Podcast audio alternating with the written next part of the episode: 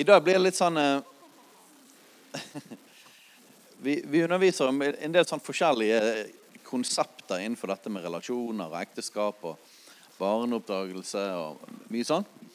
Men eh, nå denne formiddagen så blir det litt sånn, eh, litt sånn koldtbord av forskjellige miks her og der. Så vi skal bare ta liksom noen av liksom sånne kjerneting som vi liker å snakke om og brenner for. Så det blir litt, litt sånn for alle her og der. Eh, Istedenfor at det blir veldig sånn spisset mot ekteskap eller barneoppdragelse. eller eh, sånn. Så da kan det treffe alle sammen. ikke den grei? Så, så først må vi da vi, vi, snakket jo i går om Guds enorme kjærlighet og nåde og det han har gjort for oss. og Alt begynner der. Og det, og det er bare viktig å gjenta i dag òg. At vi er overbevist om at, eh, at absolutt alt i livet må flyte ut fra det stedet. Eh, og når det gjelder relasjoner, så er det veldig, veldig sentralt. Fordi at eh, hvis, hvis, hvis, relasjoner skal fungere bra, så må det være kjærlighet der. Og Vi skal begynne med å snakke litt om hva er, faktisk, hva er kjærlighet for noe. egentlig. For Det er sånne ord som alle kan, og vi bruker og vi synger. og vi sånn som det. Men, men Bibelen sier noe om hva det faktisk er for noe. Og... Eh, så for å sette Min, min opplevelse, iallfall vår opplevelse, er det at eh, det er ikke sikkert at alle vet nøyaktig hvis du spør en person på gaten definer kjærlighet for meg. så vet jeg ikke om folk har tenkt gjennom det. Men vår opplevelse er det at, eh, at kulturen og verden virker å ha en litt annen forståelse av kjærlighet enn det vi leser om i Bibelen. Men, men vi tror jo at det er Guds ord som er sant. da. Og eh, så måtte google litt og spørre ChatGPT og litt forskjellig. Og hva, hva, hva, hva, er kjærlighet for noe, egentlig? Så jeg fant en, et sted som var ganske sånn betegnende og på en måte oppsummerte egentlig det jeg fant overalt. Når man liksom googler hva er kjærlighet for noe. Så psykologisk.no, da. Eh, her er det en eh, psykolog som skriver Først og fremst er kjærlighet en følelse en midlertidig tilstand som fyller kropp og sinn. I likhet med alle andre følelser følger kjærligheten bevegelsesmønsteret til et uforutsigbart værsystem. Den er en subtil og ubestemmelig kraft. Og som med alle andre positive følelser gir det deg en iboende og utsøkt deilig fornemmelse. Interessant. Så, jeg si det, jeg tror ikke dette her var veldig sånn kontroversielt, egentlig. Når jeg har lest rundt omkring, så oppsummerer det ganske godt hvordan man forstår dette her ordet kjærlighet. Så det er først og fremst en, en følelse. Ok, interessant. Midlertidig tilstand. Hm, interessant. Som fyller kroppen sin.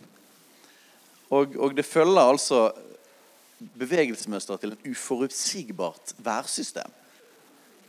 Det passet jo godt i dag. Substil og ubestemmelig kraft. Så noe liksom veldig sånn udefinerbart flytende, da, egentlig. Ja. Eh, og, og, og, igjen positive, fokusert på positive følelser og en opplevelse. noe sånt det. Eh, og jeg tror jo dere som er gode kristne, som har lest Bibelen litt, og sånn, tror nok dere merker med en gang at her er det noe noe som ikke treffer helt i forhold til hvordan vi forstår kjærlighet. Er vi med på det? Merket dere det? det og det skal vi se litt på. da. Så, så, hva sier egentlig da Bibelen om kjærlighet? Um, så Vi hadde jo et vers i går, så jeg kan jo ta det kjapt. Jeg skal ikke preke ut fra det igjen nå, men, men Romerne 5,8, som er liksom bro fra i går. Men Gud viser sin kjærlighet til oss ved at Kristus døde for oss mens vi ennå var syndere. Da fokuserte jeg på dette her med at han døde for oss mens vi ennå var syndere. altså Det var hans initiativ. Eh, men hvis vi tar en annen del av det verset, da, så er det jo det at Gud viser sin kjærlighet ved at Kristus døde for oss. Altså Kjærligheten ble vist gjennom Jesu død. Eh, og, og, jeg er så fristet til å begynne å kommentere mer det, det psykologiske. Men la oss bare se litt mer på 1. Eh, Johannes 3, 16 for eksempel, så er vi det samme. På dette har vi lært kjærligheten å kjenne. at han satte livet til for oss. Også vi skylder å sette livet til for brødrene. Så, så her bekrefter det egentlig det samme. da, At dette er, dette er sånn vi har lært kjærligheten å kjenne. At han satte livet til for oss. Og Forrige verset var at han, at han, døde for oss. Så Vi begynner å se et lite mønster her. Sant? Altså, Efeserne 5, 1-2 Bli derfor Guds etterfølgere som hans elskede barn. Og Dette her går igjen hele tiden når Bibelen snakker om kjærlighet. Dette står om hva han gjorde, hva Jesus gjorde. Det står om Faderens kjærlighet, det står om Jesu kjærlighet gjennom korset. Og så står det en oppfordring da, til at gjør dere det samme. Vær sånn som det. Og da er det jo klart at Hvis vi skal elske hverandre, og vi skal elske, og vi skal elske sånn som han, så er det jo greit å vite hva kjærlighet faktisk er for noe. da. Og Da er det greit å vite hvor vi tar det fra. Om vi tar det fra psykologisk.no eller et annet sted. Så bli derfor Guds etterfølgere som hans elskede barn. Så det å være et elsket barn, det er å det at vi tar imot kjærlighet fra han, og så blir vi sånn som han. Er ikke det sånn vi har det med barna òg? Vi elsker dem helt ufortjent bare fordi de er barn. Men så vil vi at de skal lære å elske. Sant? Fordi at Hvis de ikke viser den kjærligheten til hverandre Og dette skjer jo veldig mye i søskenflokker. sant? Se for dere du kjører en bil, og så krangler barna i baksetet. Og så er det alltid sånn her Du og det, er du først, eller du, nei, du sitter for langt bort der. du sånn her, Og så er det veldig meg, meg, meg. Og du er dum. Sant? Og kjempe for mine rettigheter. Sant? Og, og når vi merker det i barna, så er vi litt sånn mm, elsker dere alle så 100% alle sammen. Og vi vil ikke ta parti. Faktisk er det helt irrelevant. Har du merket det? det sånn du skal forklare detaljen i den der elendige konflikten dere har der bak. Det er en helt patetisk konflikt. Sant det? Jeg tar ikke den på alvor i det hele tatt. Det bryr meg ingenting faktisk om hvem som gjorde det først. eller hvem som sånn og sånn. Det vi bryr oss om, er elsk hverandre. Slutt med det der. Vær rause med hverandre. Elsk hverandre. Slutt å, slutt å krangle. Er ikke, det, er ikke det en fars hjerte, en mors hjerte? Så bli derfor Guds etterfølgere som hans elskede barn. Så er vi inne på akkurat den samme dynamikken fra Gud som far til oss. Å vandre i kjærlighet, hvordan da? Hvordan ser det ut? Like som også Kristus elsket oss og ga seg selv for oss som en gave og et offer, en vellukt for Gud. Og dette beskriver jo basically det de to andre det bare sier litt tydeligere hva det er for noe. For Kjærligheten var altså at Jesus døde for oss. Kjærligheten er at han ga sitt liv. Og her står det enda mer spesifikt. Han ga seg sjøl som en gave og et offer. Kjærlighet Og det er masse bibelvers på dette.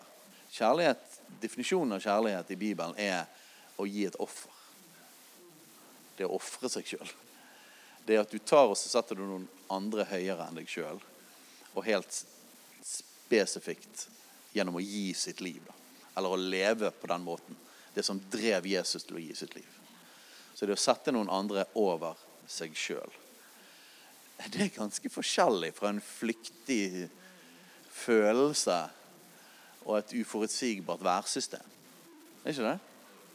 Det er ganske annerledes. Dette er noe, faktisk noe ekstremt dypt, noe ekstremt kraftfullt, noe veldig, veldig utfordrende. Noe som faktisk koster alt. Yes. Har du lyst til å kommentere litt før uh... Ja, hvor er det jeg skal inn? Ja, det er snart. Men hvis du vil si noe mer om det med bare kjærligheten? Ja, jeg vil bare legge til det med at uh, denne verdens uh, definisjon av kjærlighet, sånn som det ble beskrevet her, da, på en veldig fin måte, det er jo at du ikke kan du vet ikke når han kommer, du kan ikke helt styre liksom 'Å ja, der kom han. Å ja, der, der gikk han igjen.' Jeg, vi, du hører jo folk som går fra hverandre fordi at man, man har ikke kjærlighet lenger, elsker ikke lenger. Sant? Og det er, det er, ikke sånn Bibelen lærer oss opp til hva kjærlighet er. Kjærlighet er et valg, først og fremst. Det er et offer. Vi skal gi noe. Det handler ikke om meg, det handler om deg. Eh, og hvis vi klarer å å, å, være preget mer av Guds ord på dette enn verden, så tror jeg For dette, vi vil jo dra dette inn i relasjonspraten etterpå, hvor vi skal snakke om familie, vi skal snakke om mann-kvinne. Og hvordan ser Bibels måte å leve i kjærlighet ut på i, helt konkret i livet vårt. Da. For det kan jo bli litt sånn oh, svevende. Hvordan skal jeg dø på? Skal jeg henge på et kors hver morgen når barna kommer til frokost? Liksom. Hvordan, hvordan, viser jeg barna dette her? Da? Eller hvordan viser jeg det for mannen min at jeg ofrer noe? At jeg gir en gave til deg? Så, så det, det syns vi er kjempespennende å dra det helt ned til. Hvordan ser dette ut i hverdagen? Men vi må først være på samme grunn. Vi må få dette grunnlaget inn i, i, i, livet vårt. Hva er kjærlighet? Og leve ut fra den bibelske forståelsen av hva kjærlighet er. Og at det er noe vi kan velge, det er noe vi kan gi til de rundt oss. både i, sant? Du sa jo det med at både relasjonsundervisning har gjort deg til en bedre pastor enn menighetsleder. Sant? Man kan gjøre dette her overfor kollegaene sine. Man, kan, man, blir en bedre venn, man blir en bedre datter til sin mor eller far eller svigermor. og og, eh, så disse tingene kan man så konkret For det kan føles litt sånn, som jeg sier, sånn svevende, men det blir så konkret i livet vårt hvis vi virkelig griper eh, og lever ut ifra det. Sånn som vi snakket om i går. Leve ut fra evangeliet og ikke leve liksom, på siden, men, men vi, vi, lever ut fra noe annet enn det verden lever ut ifra. Det, det, det kommer til å ha innvirkning på livet vårt. Det. På hverdagen, på frokostsettingen, på bilkjøringen. Det, det, er liksom, det, er så praktisk, og det er så konk konkret. Så um, det vil jeg bare legge til. At dette er òg et valg av at vi kan tre inn i å tenke på en måte som, som jeg tror Gud ønsker vi skal tenke på. Mm. Så et, et, par vers til der, da. Efesene 5, 25. Eh, vi, vi snakker jo litt òg uh, om Skal ikke gå inn i det nå, i alle fall. Jeg vet ikke om vi kommer til å touche det i kveld. Men, men eh, vi tror jo på at Gud har designet oss og uh, og gitt rammer for oss. Og at de rammene det er en del av hans kjærlighet. Det er ikke en motsetning til hans kjærlighet. Vi tror at hans rammer er gode for oss. Det er jo ganske fundamentalt for en kristen. Eh, og, og hele syndefallet er jo det motsatte av det. Det er på en måte at de rammene Gud satt, de kom djevelen og, og satte spørsmålstegn ved. Og, og, eh, stilte spørsmålet Først har Gud virkelig sagt, og så sier Eva Nei, han har ikke sagt at vi ikke kan spise av noen trær, men det er bare dette treet. Og så sier basically slangen til, til Eva at, eh, at, Gud lyger. Han, det er ikke fordi at dere kommer til å dø.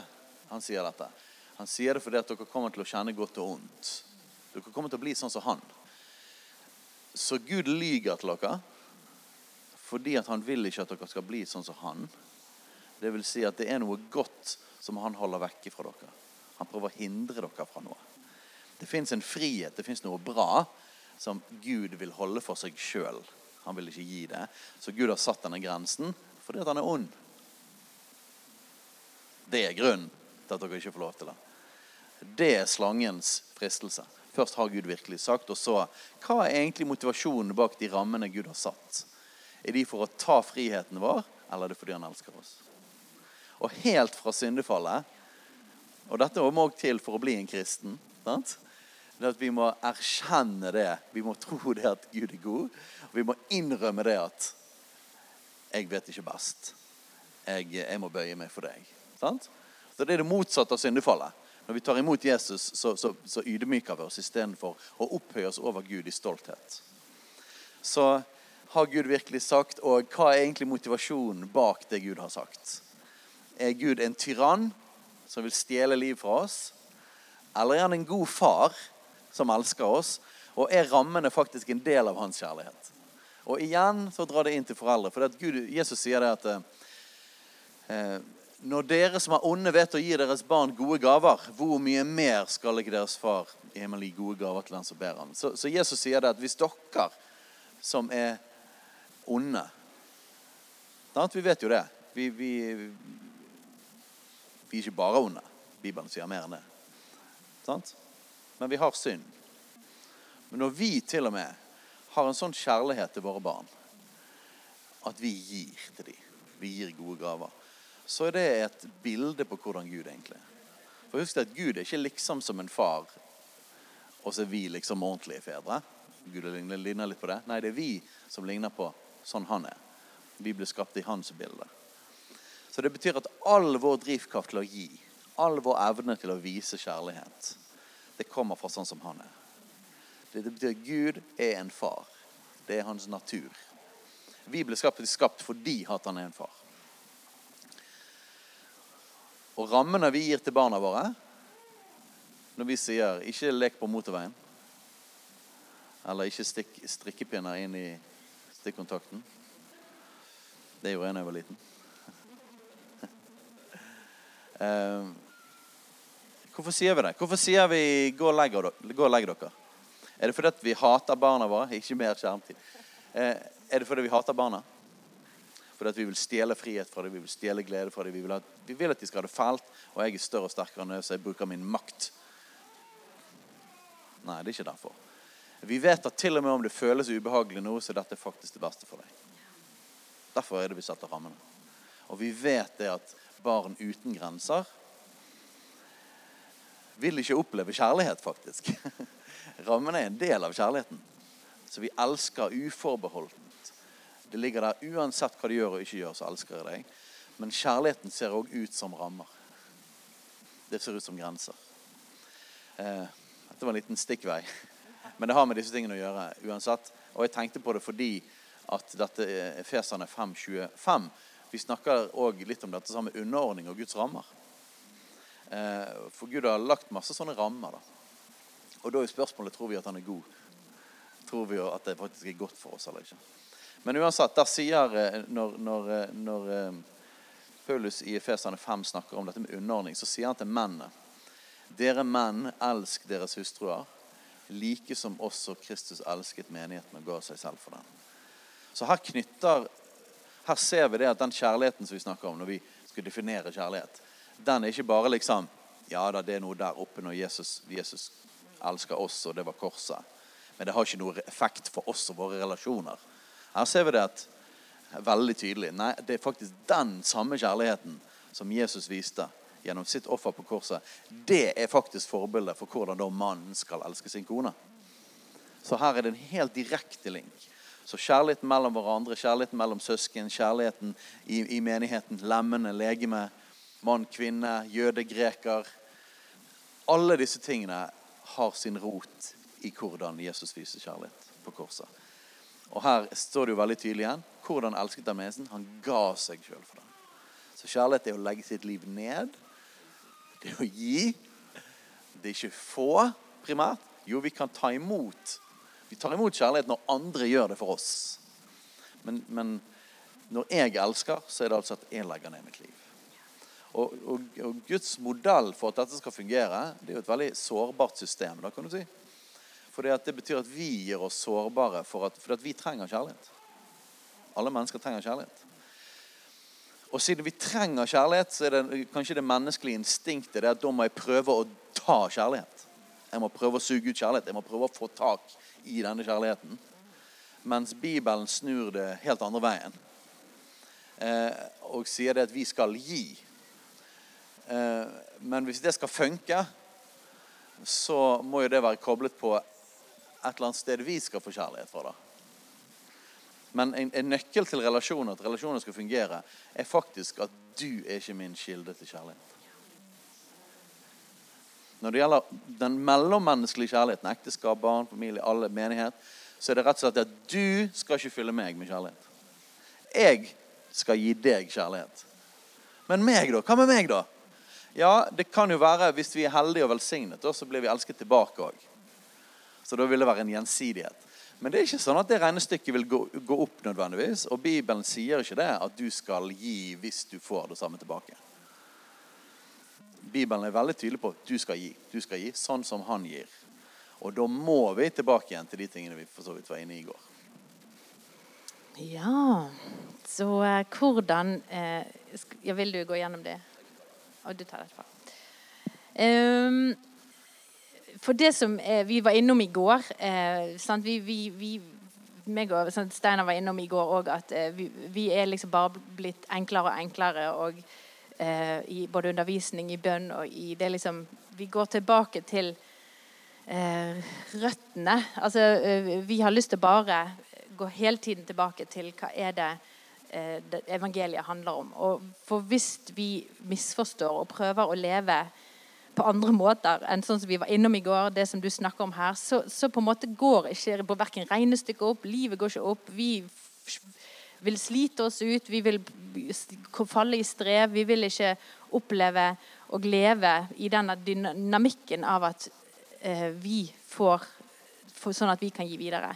Så Derfor er det så viktig eh, at vi begynner der som vi begynte i går. Og, og for dere som ikke var her i går, så fins det sikkert opptak eh, av det vi snakket om. og det vi vi hadde jo egentlig bare en sånn betjening, og vi, vi, vi, var i Guds nærvær. Og vi ryddet litt i vårt indre og fikk litt satt på plass eh, hvor vi ønsker å leve ut ifra. Eh, og dette er så viktig at vi eh, gjør som individer i, i relasjonene våre. At vi alltid lever ut ifra den riktige plassen. For hvis vi kommer litt skjevt ut, og det gjør vi, vi kommer til å feile, og vi kommer skjevt ut, og jeg våkner ofte opp og er ikke den gode utgaven av meg sjøl, så, eh, så, må jeg nødt til å gå, trekke meg litt tilbake og rydde litt på plass igjen. Og, for vi, vi, går fort inn i på en måte strevet og jaget og, um, og fordømmelsen. Men, men hvis uh, dette, Det er derfor vi forkynner det så mye, for vi trenger den påminnelsen. Vi trenger hjelpen til å og vite hvor er det vi skal koble vår. Jeg, jeg er blitt opphengt i en sånn her sånn støpselkontakt. Jeg eh, har spurt en tekniker om jeg kan få en sånn her eh, Jeg vet ikke om det er farlig hvis jeg driver ut denne her nå. Det er sikkert ikke. Jeg trenger en sånn i mitt liv. Hvis det er du, nei da. Jeg kan få det hjemme hos meg en gang. Men uh, jeg må ha en sånn i vesken min, så jeg kan dra opp når jeg underviser. For denne her er så fin. Se hvor fin den er. ja, Um, og, og, det som jeg har fått uh, Og som jeg sjøl går og minner meg om Skal du ta den inn igjen? Ja. og uh, er at um, vi er en sånn en. Uh, og, og vi, vi, vi, plugger den her. Vi går litt sånn med en løs hånd, og så plugger vi den inn i forskjellige ting. vi kan plugge, plugge den inn i en av de farligste stedene å plugge den inn i, er vår ektefelle. Det gjorde jeg i mange år. Hadde den rett inn der. Og ja, come on, lad meg opp, fyll meg opp, eh, bekreft meg, elsk meg, anerkjenn meg. Come on, du skal være min kilde til absolutt alt i livet. Det er et fryktelig usynt eh, parforhold. Um, så, så, pass på hvor er det vi kobler støpselet. Vi må liksom hver dag ha en sånn støpsel nesten på vår nøkkelknippe, bare for å se hvor er det jeg har Er det inni barna? Uff, er det det at hvis barna presterer og er, er perfekte og gjør det bra på skolen, så liksom kjenner jeg at min Ja, OK, da går det bra. Da er jeg, da er liksom, eller er det inn i karrieren vår? Liksom, er det der jeg henter liksom bare jeg henter livet? Er det inn i, sant? Det kan være inn i så mange ting. Så der må vi ta en realitetssjekk. Hvor er det du har plugget støpselet ditt i dag? Og Det handler ikke om bare en sånn, å, en gang i livet så flyttet jeg støpselet fra der til der. Nei, det handler om en daglig prosess av at vi som skrøpelige mennesker, for vi er så skrøpelige og vi faller så lett i våre egne veier, så må vi daglig ta opp vårt kors. Det står det. sant? Vi må daglig eh, koble oss med Gud og bare OK, jeg er koblet med deg. Det er meg og deg mot verden. liksom. Jeg sier det faktisk sånn fordi at, fordi at jeg sjøl har så lett for å dra inn hele verden i min innerste sirkel, i min innerste det som skal være meg og bekrefte meg, og der jeg skal bygge livet mitt på. Så jeg har måttet bli litt sånn streng med meg sjøl. Det sa jeg til noen av dere som jeg ba for i går. Jeg har måttet bli litt sånn sint, aggressiv og bare sånn dytte folk, dytte steiner ut av min sånn Nei, du får ikke være i min innerste! Ut med deg! sant? Eller barna mine. Dette er meg. Det er meg og Jesus mot resten av verden. Eh, som kan høres litt sånn stygt ut. Men det har med at jeg er nødt til å Du må bygge en en, en, kapsel rundt deg, deg og den her, eh, relasjonen som du har, som skal være ditt alt. Og hvis vi klarer det, hvis vi klarer å være og leve ut ifra den at det er Jesus du har koblet ditt støpsel i, og det er han som forfrisker deg, det er han som bekrefter deg, han som anerkjenner deg, det er der du finner trygghet, det er der du finner hvile. Og hvis man klarer å leve ut og, og ha hentet og fylt opp kjærlighetstanken derifra, så kan man møte alle de relasjonene rundt seg på en helt annen måte. Og dette har vært revolusjonerende for meg, og sikkert for deg òg, for du merket ganske forskjell fra når jeg hadde den koblet i deg, til jeg begynte å koble den i noe annet, i Gud. det blir noe helt annet. Det snus på hodet. Og det, nå gjør ikke jeg dette perfekt, for noen dager så, så kan jeg eh, Som jeg sa, vi, vi, vi feiler. Men det her må vi det er en stor og viktig åpenbaring vi trenger i livet vårt. Hvor er det vi lever ut ifra? Og det er sånn som vi snakket om i går.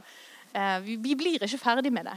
Vi må alltid gå tilbake til hvor henter jeg kjærlighet. Er Gud kilden til kjærlighet i mitt liv, sånn at jeg kan leve ut ifra dette fantastiske eh, budskapet som kjærlighet er gjennom Bibelen?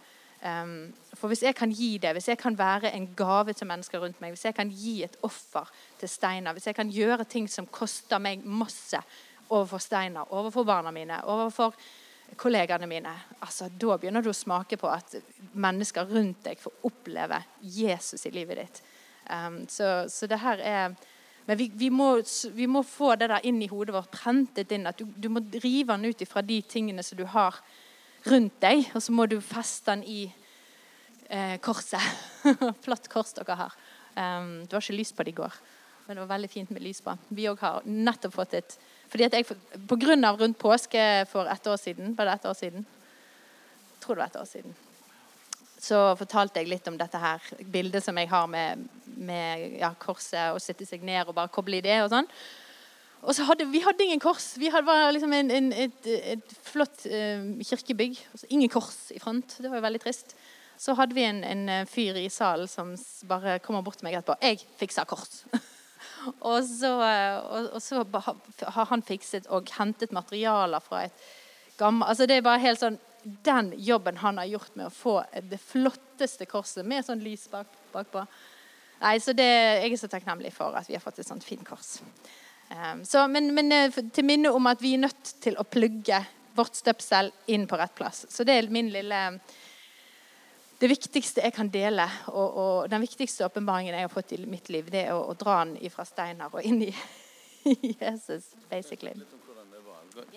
Hvordan er det funker? For vi tror faktisk helt oppriktig av at å vite hva kjærlighet er for noe, og hvor du faktisk henter kjærlighet eh, Det er så simpelt, så grunnleggende men faktisk tror jeg det, dette er det aller, aller viktigste i at vi skal ha gode relasjoner. Fordi at Vi tar bilde med barna som krangler i baksetet igjen.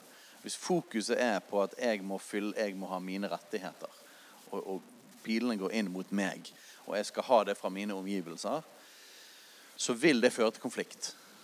Konflikt er i veldig stor grad at jeg kjemper for mine rettigheter. Men hvis, men hvis det jeg legitimt trenger å få fylt, nemlig mitt behov for å være elsket, mitt behov for kjærlighet, hvis det faktisk kommer fra Gud, hvis det faktisk er min kilde hele tiden, så blir jeg en pluss innenfor alle de menneskene som jeg er i nærheten av. Da vil det flyte ut av meg. Og jeg har plenty av det jeg trenger. For vi trenger det. Vi trenger å bli elsket. Vi trenger fred, vi trenger kjærlighet, vi trenger glede. Vi trenger alt det som er åndens frukter. Sant? Alle de tingene der, Ofte så tenker vi på åndens frukter som at det er det som kommer ut av oss. Og det, det er jo det. sant? Eh, og at andre da skal få oppleve det gjennom oss. Men husk det at åndens frukter de kommer jo fra ånden. Så det betyr at vi må ta imot de først. Og du, du kan ikke gi glede hvis du ikke er glad. Sant? Du kan ikke være full av frykt, og så bare strømmer det fred ut av deg. Det som flyter ut, er det du har. Og det du har, det har du fått fra Han. Sant? Eventuelt har du ikke fått det fra da er det andre ting som kommer ut. Da står det, står det en liste før. Kjødets gjerninger. Det er det som kommer da. Så, så, åndens frukt det betyr at vi trenger å spise av åndens frukt som er kjærlighet. Fra ånden kommer kjærlighet. Jeg spiser den, jeg får fylt mitt behov, og så lekker det ut til andre. Det er sånn det funker. Så kjærlighet, fred, glede Vi har behov for det. Ellers blir vi veldig miserable sjøl, og alle rundt oss blir miserable. For det er det vi sprer, er negativt. sant? Så det å være fylt av Han er nøkkelen til gode relasjoner. Vi må alltid helgradere oss eh, når vi, vi, snakker om ting. For det, det finnes jo eh, situasjoner hvor eh, eh hvor på en måte Ja, du kan, du kan, gjøre alt det rette med dine indre prioriteringer, og du kan gi og gi og ofre og ofre, men så er man i situasjoner hvor det blir eh, totalt skeivt og ødelagt. Og man vet jo at eh, folk ikke Hvis ikke begge La oss si et ekteskap, da begge parter ikke har eh, fått åpenbaring av dette, så kan det jo bli en, over lang tid en, en usunnhet og en skeivhet. Og her trenger jo man å snakke om ting, og det trenger å være en en dialog om at eh, jeg, ja, jeg jobber med mine ting og, og sånne ting, og, og, men du også må jo jobbe med dine ting. Sant? Du kan ikke være et svart liksom som jeg var. Jeg var et svart hull som ikke ga så mye eh, en, i en viss fase av vårt ekteskap. Og da må jo vi snakke om ting at ok, eller f.eks. en er kronisk syk lenge, og den andre må være den som primært gir og gir og gir og bærer og bærer og bærer. Eh, og da må jo vi snakke om at dette blir jo Det, det er jo på en måte litt eh, ut av det er konteksten som, som det er ment til å være at det skal være en gjensidighet. Da, at man skal kunne gi til hverandre. Eh, men jeg tror uansett at man skal kunne stå med Guds hjelp i disse situasjonene som er krevende med Guds nåde og kunne få lov å gi og gi og gi egentlig uten å få noe tilbake. Eh, men jeg bare har lyst til å si at det er viktig å jobbe med disse tingene. At, at det, man tar det for gitt at noen skal få slippe lett unna. på en måte, sant? At vi, Her må man eh, jobbe for at begge parter skal være i denne gode symbiosen med Gud. Da. Eh, for ellers blir det jo til at den ene krever, krever, krever. Hvis det er på den måten, og så den andre gir og ofrer og utsletter seg sjøl. For det kan komme til det nivået. sant? Men, eh, så her må man jo òg jobbe sammen i enhet som et team og snakke om dette og være på linje, tror jeg. Men, men så vil det være faser av livet. Sant? Du var sykemeldt en periode, og da var det jeg som måtte på en måte ta i et tak og stå opp og, og være mer den som var ga og ga og ga. Og jeg har vært ute flere perioder hvor jeg har ikke klart å gi like mye, og da har du steppet opp og, og tatt og gitt og gitt.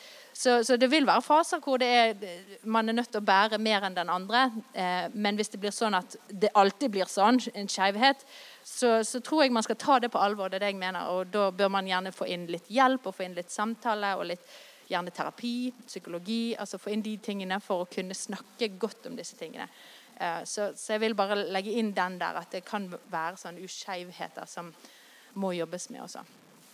Men det er klart at Nøkkelen for at vi begynte å få det bedre De første ni årene av vårt ekteskap var veldig vanskelig. Og, og det var jo i stor grad fordi at du hadde det vanskelig. Sant?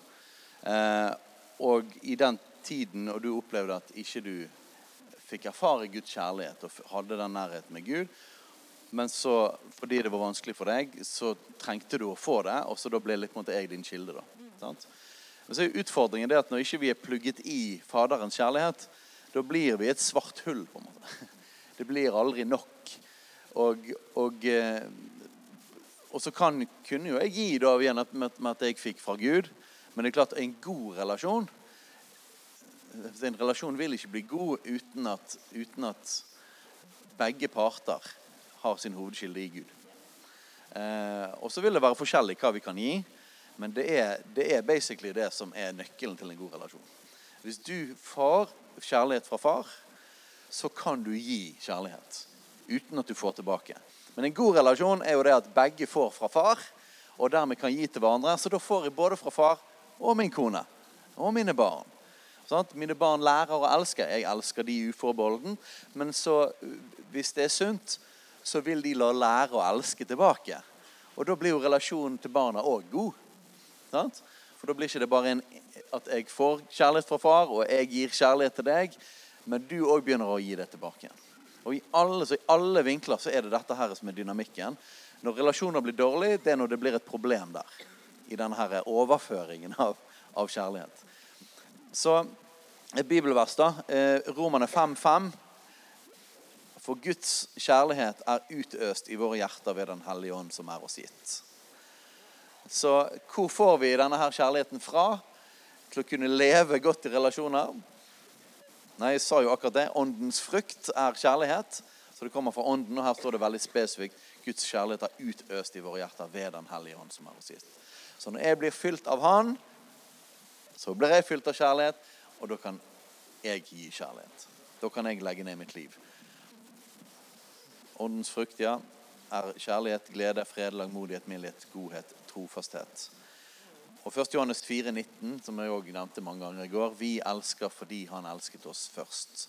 Så hele dynamikken av at vi kan elske fordi at han elsker oss. Det er sånn vi elsker Gud tilbake. Vår relasjon til Gud er, er nemlig det at vår respons på hans kjærlighet er det at vi tilber han, vi vil leve for han, og vi, vi, vi ønsker å gjøre ting for han, ting som han sier.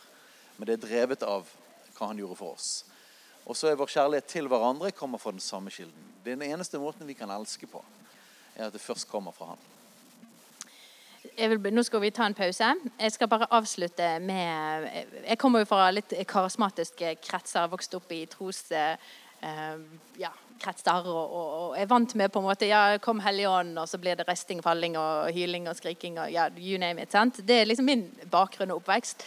Så for meg, eh, så Jeg vet ikke hvordan det er for deg, men for meg så ble det en åpenbaring at Den hellige ånd er ikke bare dette uttrykket. Den hellige ånd er vår hjelper som er gitt oss for at vi skal kunne stå eh, i disse tingene som vi er inne i her. da.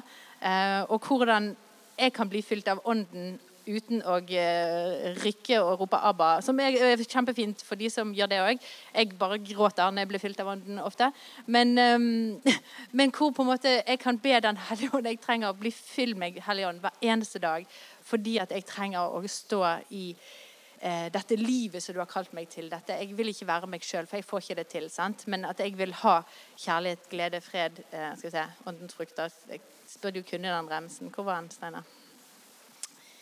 Eh, der. Kjærlighet, glede, fred, langmodighet, mildhet, godhet og trofasthet. De tingene skal jeg kunne stå i hver eneste dag fordi at jeg er fylt av Ånden. Og det syns jeg er oppmuntrende eh, og trosstyrkende. Eh, yes. Så med det så tror jeg vi skal Du må bare nødt til å si en ting til. Nei, men Se for dere dette. Alle relasjoner. Alle relasjoner du har. Hvis du er full av kjærlighet, du er full av glede, du er full av fred, du er full av tålmodighet, du er full av mildhet, full av godhet og full av trofasthet Ikke det egentlig bare oppskriften på en, en god person å ha rundt seg? Og hvis begge parter har disse tingene, er ikke det egentlig oppskriften på en god relasjon? Så igjen, dette er veldig simpelt, det er veldig grunnleggende, men det er veldig kraftfullt. Så, og vi tror at dette her er faktisk kjernen. OK, da tar vi litt pause, så fortsetter vi. Ja, nei, jeg håper, Det er jo kjekt at dere har det så hyggelig sammen. Eh, men vi har fått så liten tid, vi. Nei vi har god tid. Eh, vi har så lyst Det er så mye vi liksom kunne gått inn i og eh, For å si det sånn, for to uker, helger siden så hadde vi ti timers undervisning, og vi var fremdeles ikke ferdig med ting og tang. Vi liker å boltre oss inn i den tematikken og få det skikkelig grunnfestet i oss. Eh, men eh, det vi først ville begynne med, er at vi eh, vi vet jo at folk står i forskjellige situasjoner og utfordringer og spesifikke ting som kan være helt utrolig vanskelig å stå i. Og det har vi så enormt respekt for. Og vi har bare behov for å adressere at, eh, på, at det fins utrolig vanskelige situasjoner hvor disse tingene kan virke litt sånn Ja, men dette hjelper jo ikke liksom inn i dette. Eh, men det vi erfarer og opplever, er at eh, vi kan jo ikke ta sånn kollektiv sjelesorg på alle de konkrete situasjonene. Eh, men det fins rom for å snakke direkte inn i ulike situasjoner. Eh, det som vi gjerne berører og toucher, er grunnleggende prinsipp som vi tror eh, det er godt å leve ut ifra. Og at hvis vi graver, ned, graver oss ned i disse prinsippene, så kan vi komme til gode løsninger òg i utfordrende situasjoner. Så, så det er litt vår tanke, da. Ja, og så har ikke vi, gått, går ikke vi inn på her nå hvordan reparere ting når ting har gått galt. Og Det er jo et stort tema i seg sjøl. Et stort tema i Bibelen. Det er gjenopprettelse. Gjenopprettelse, forsoning, helbredelse. Um, men vi snakker hovedsakelig om hvordan det var ment å være. Og, eh, og, og prøve å løfte opp de verdiene og prinsippene. Og så har vi fått to mikrofoner, så vi kan snakke i munnen på hverandre. og det er veldig fint. Skal jeg prøve å avbryte Steinar mer? Det er ikke så lett. Men, eh, men vi har lyst til å så eh, vi, vi vil konkludere og gjøre oss litt ferdig med denne kjærlighetstemaet nå, før vi skal gå over i noe litt mer før vi avslutter denne bolken. Eh, Så vi må jo nødt til å innom dette fantastiske temaet Nei, temaet. Verset i Bibelen som står i første Korinterbrev kapittel 13, vers 4-7. Det er et veldig kjent, eh, kjente vers. Alle leser jo dette i bryllup. ikke sant? Ja, så blir, du, du får jo nesten sånn Du kjenner liksom kaken bak i ganen og, og liksom marsipanen oppi ganen og eh, litt strømpebuksen som presser litt for hardt i når du leser disse versene. Men det er jo det vi ønsker å, å Det er trist at de blir lest opp bare ved de anledningene, for det er jo dette her er jo det er jo helt utrolig radikalt. Eh, det er utrolig rått, det som står her. Eh, og i den konteksten som vi snakker om, hvordan dette ser ut i hverdagen hvordan Når jeg er koblet meg til Guds kjærlighet og blir fylt av det som han gir meg, hvordan kan det se ut? Så sier jo dette her verset eh, det er ganske tydelig hvordan det kan se ut. Ja, så dette er jo da rett og slett Dette forklarer noe av hva denne her kjærligheten som et offer ser ut som. Eh, og Vi så jo det i Åndens frukt. Der har du noen av de, de ingrediensene her. Mens her står det enda tydeligere. Og Jeg har lyst til å bare ta kontrasten igjen. Kanskje skal du gjøre det før vi leser verset. faktisk. Kontrasten igjen til psykologisk.no. da. Kjærligheten, først og fremst er kjærligheten en følelse, en midlertidig tilstand som fyller både kropp og sinn.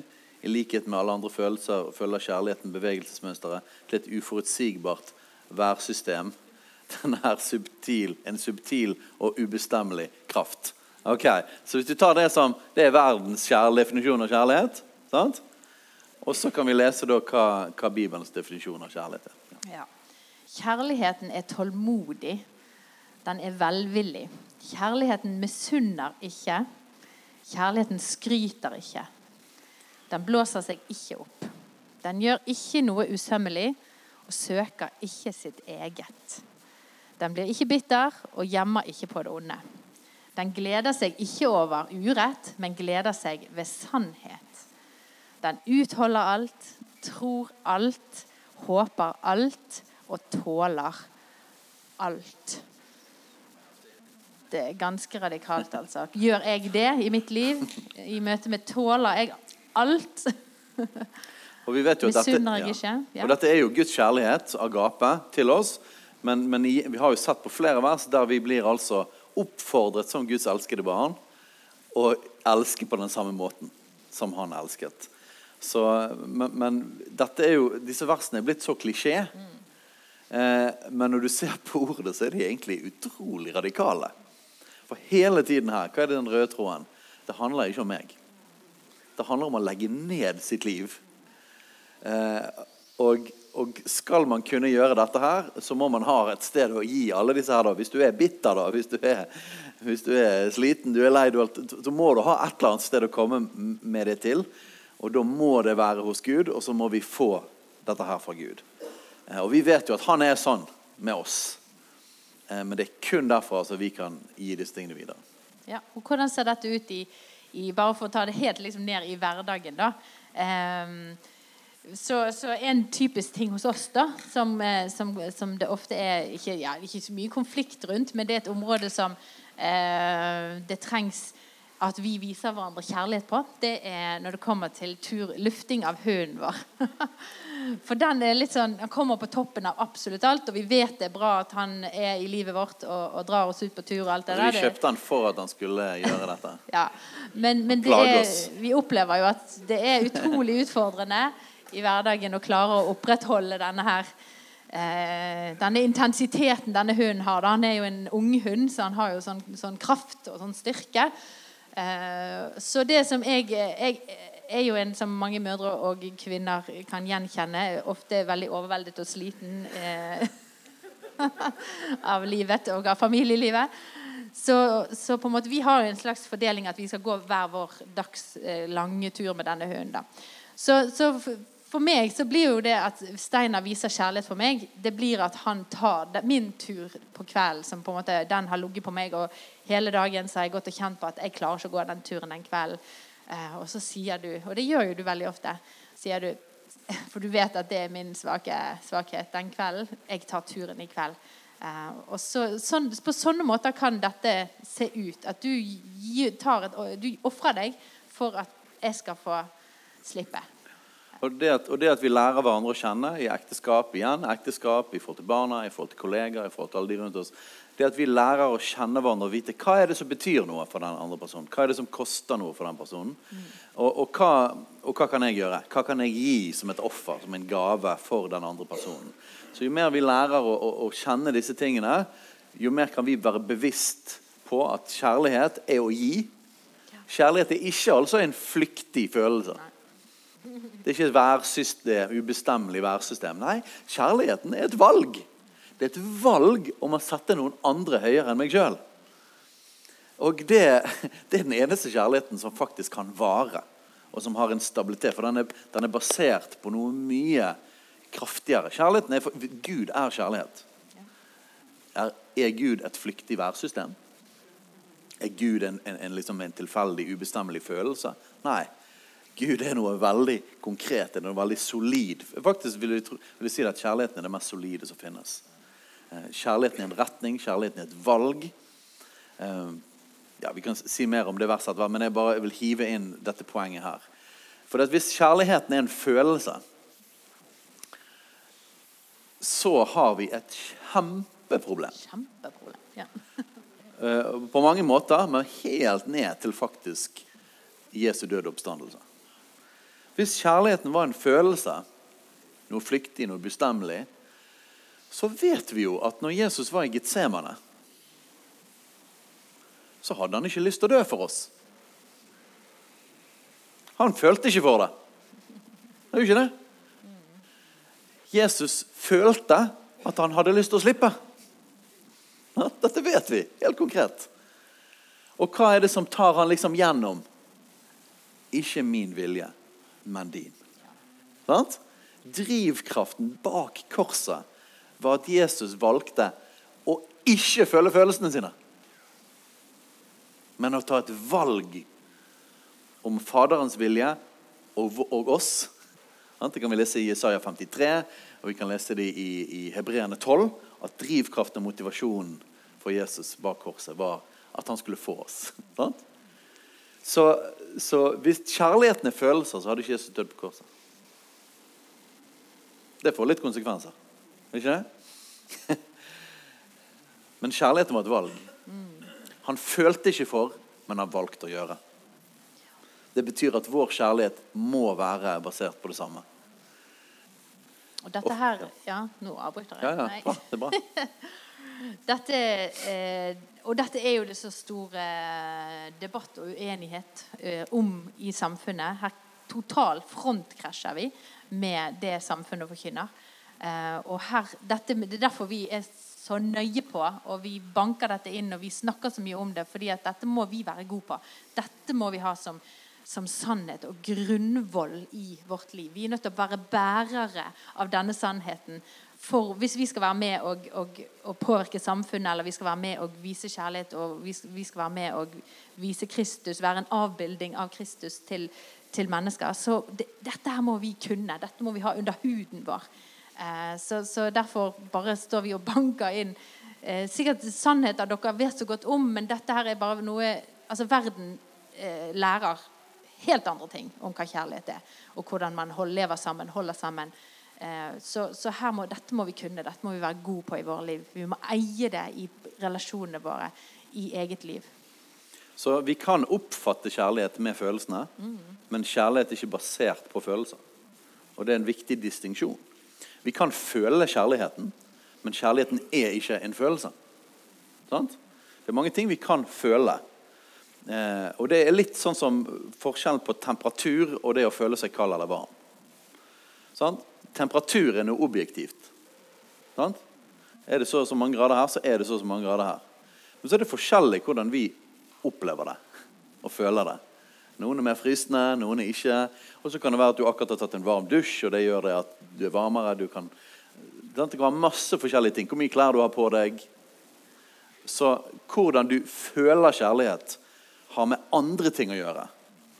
Mens det objektiv, kjærlighet er noe objektivt, det er noe dypere, det er noe, noe kraftigere.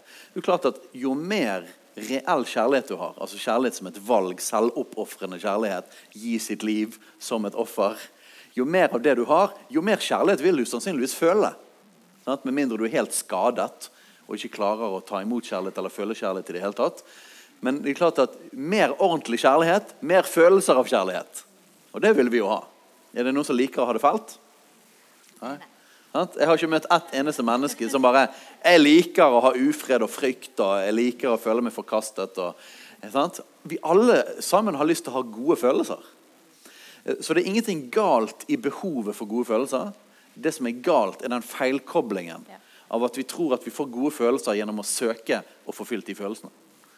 Mens, mens Bibelen viser oss en annen vei. Det er, det, det er sannhet. Det er valg som vi lever på. Det er objektive ting. Og, og hvis vi går en rett vei, den, hvis vi lever i kjærlighet, så vil det òg påvirke følelsene våre. Følelsene våre kommer litt lenger ned i, liksom i systemet. Vil du ha gode følelser, så er det dummeste du kan gjøre, er å følge følelsene dine. Ja. Det er faktisk den beste veien til et ustabilt, ganske fælt liv. Mm. Gode følelser får du gjennom å ta valg basert på verdier. Og gjennom det så skjer det gode ting. Og da vil du føle de oftere. Ikke alltid, for det er mange andre faktorer på det. Sant? Følelsene er som et ustabilt værsystem. Sant? Det er bare at kjærligheten er ikke det. Kjærligheten kan være konstant. Så kjærligheten er tålmodig, velvillig, misunner ikke. Sant? Misunne handler jo om åh, oh, du har noe bedre enn meg. Åh, oh, jeg føler meg forkastet. Jeg vil ha. Dette var Kain, en av de første syndene. Misunnelse. Kjærligheten skryter ikke. Den blåser seg ikke opp. Den handler ikke om meg igjen. Den gjør ikke noe usømmelig. Den er jo interessant. For det virker som at i pride-måneden at man snakker om kjærlighet som noe annet enn det som står her. Den gjør ikke noe usømmelig. Hva er usømmelig? Det er det Gud definerer som usømmelig. det.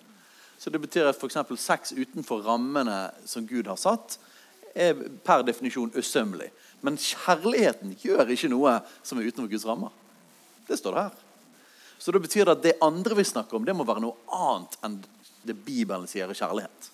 Når Gud er kjærlighet, Gud elsker, vi skal elske, så er dette noe annet da, tydeligvis, enn det verden kaller kjærlighet. Men det, Bibelen har et ord for det òg. Det er begjær. Det er noe annet. Sant? Gud har også skapt oss med lyst, men hvordan den seksuelle lysten hvordan, hvordan kobler man den med kjærlighet i Bibelen? Nei, innenfor Guds rammer. Selvoppofrende kjærlighet er bunnen. Jeg, jeg, jeg, gir meg til deg, det er ekteskapet. Jeg velger deg, ekteskapet. Og fordi at kjærligheten er rammen, forpliktende, kjærlighet innenfor Guds rammer, så kan den lysten som Gud òg har skapt, fungere da, innenfor den rammen av kjærlighet. Det er sånn Bibelen beskriver kjærlighet og rammer. Mens, mens, når verden da snakker om seksuell lyst som kjærlighet, så er ikke det det samme. For det handler egentlig om meg. Sant? Seksuell lyst handler om meg. Det er på samme måten som lysten til å spise mat. Den har Gud òg skapt og spist. Eh, sant? Vi har fått mange sånne behov. Eh, men, men, som en kristen så igjen og igjen og igjen gjennom Bibelen så er vi altså utfordret til å ikke leve etter våre lyster. Ikke leve etter 'det handler om meg, og jeg må få fylt mine ting'. Men vi er kalt til å legge ned vårt liv og gi. Vi er kalt til å være, leve innenfor Guds rammer. Og vi er kalt til at Han er kilden for alle disse behovene. Amen. Så bra. Good preaching. Så eh, for, skal vi konkludere da med at viljen vår og valgene våre sier mer om kjærlighet enn følelsene våre. Og den, eh, den syns jeg vi bør ha som en sånn, sånn wall plank, sånn eh, planke på veggen, istedenfor ja.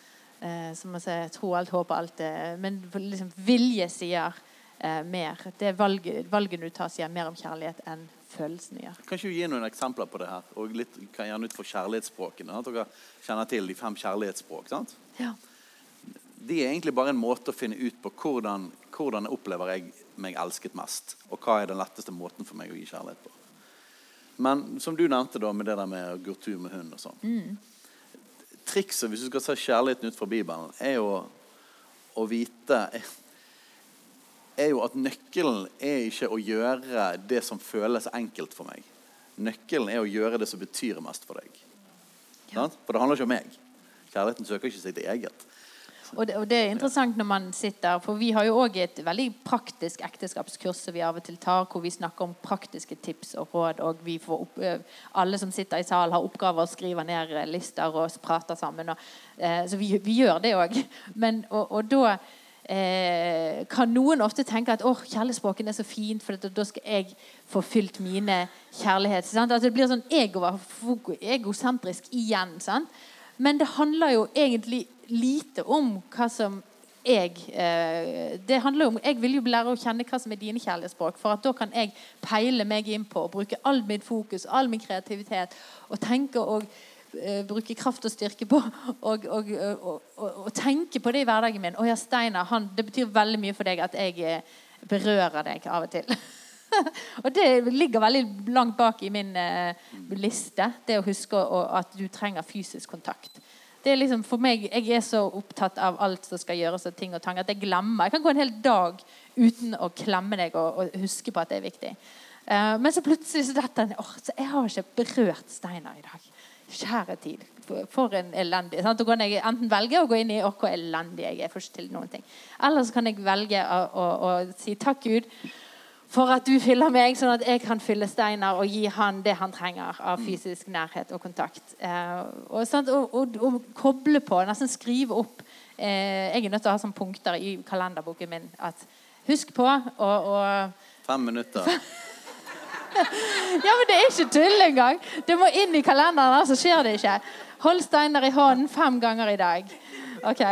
Én, to Altså, så lite romantisk, da, folkens. Ja. Altså, det er jo det. Altså, for de romantiske filmene de drives til at vi skal bare å, vi skal bare kjenne det, vi skal bare være mm. koblet, og det skal være så mye følelser og lidenskap, og vi skal bare kaste oss over hverandre i hver eneste sitte. Nei, vet du hva kjærlighet er? At jeg velger å holde steiner i hånden i bilen. Ja. Den turen Og den. Altså, det er sånn.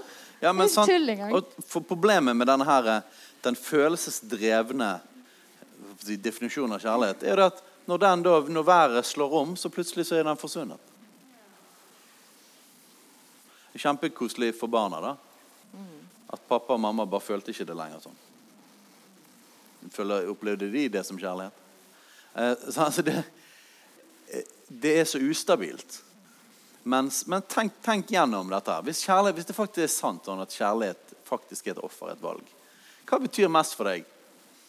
Noe som er lett for andre å gjøre mot deg. Sånn at I ekteskapet er det da for din ektefelle, men det vil, det vil gjerne gjelde i alle relasjoner. Noe som er lett for dem å gjøre, eller noe som du vet at koster dem noe. De følte ikke for det, men de valgte å gjøre det likevel fordi at de setter deg så høyt. At de valgte å gjøre noe som koster. Er ikke det egentlig mye dypere? Det betyr mer, det. Sant? Så når uh, Katrine apropos sånne kjærlighetsspråk. da, vi ble, når vi ble sammen, så viste jeg at Katrine var utrolig glad i gaver. Og for meg var det liksom helt nederst. Så det var noen tårer på julaftener og bursdager? for å si det sånn? Ja.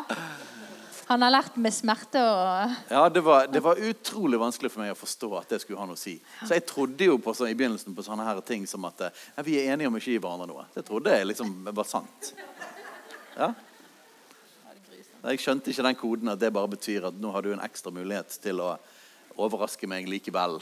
Og hvis jeg ikke gjør det, blir jeg kjempeskuffet. Og da elsker du meg ikke. Sant? Hele det konseptet. Det tok litt tid.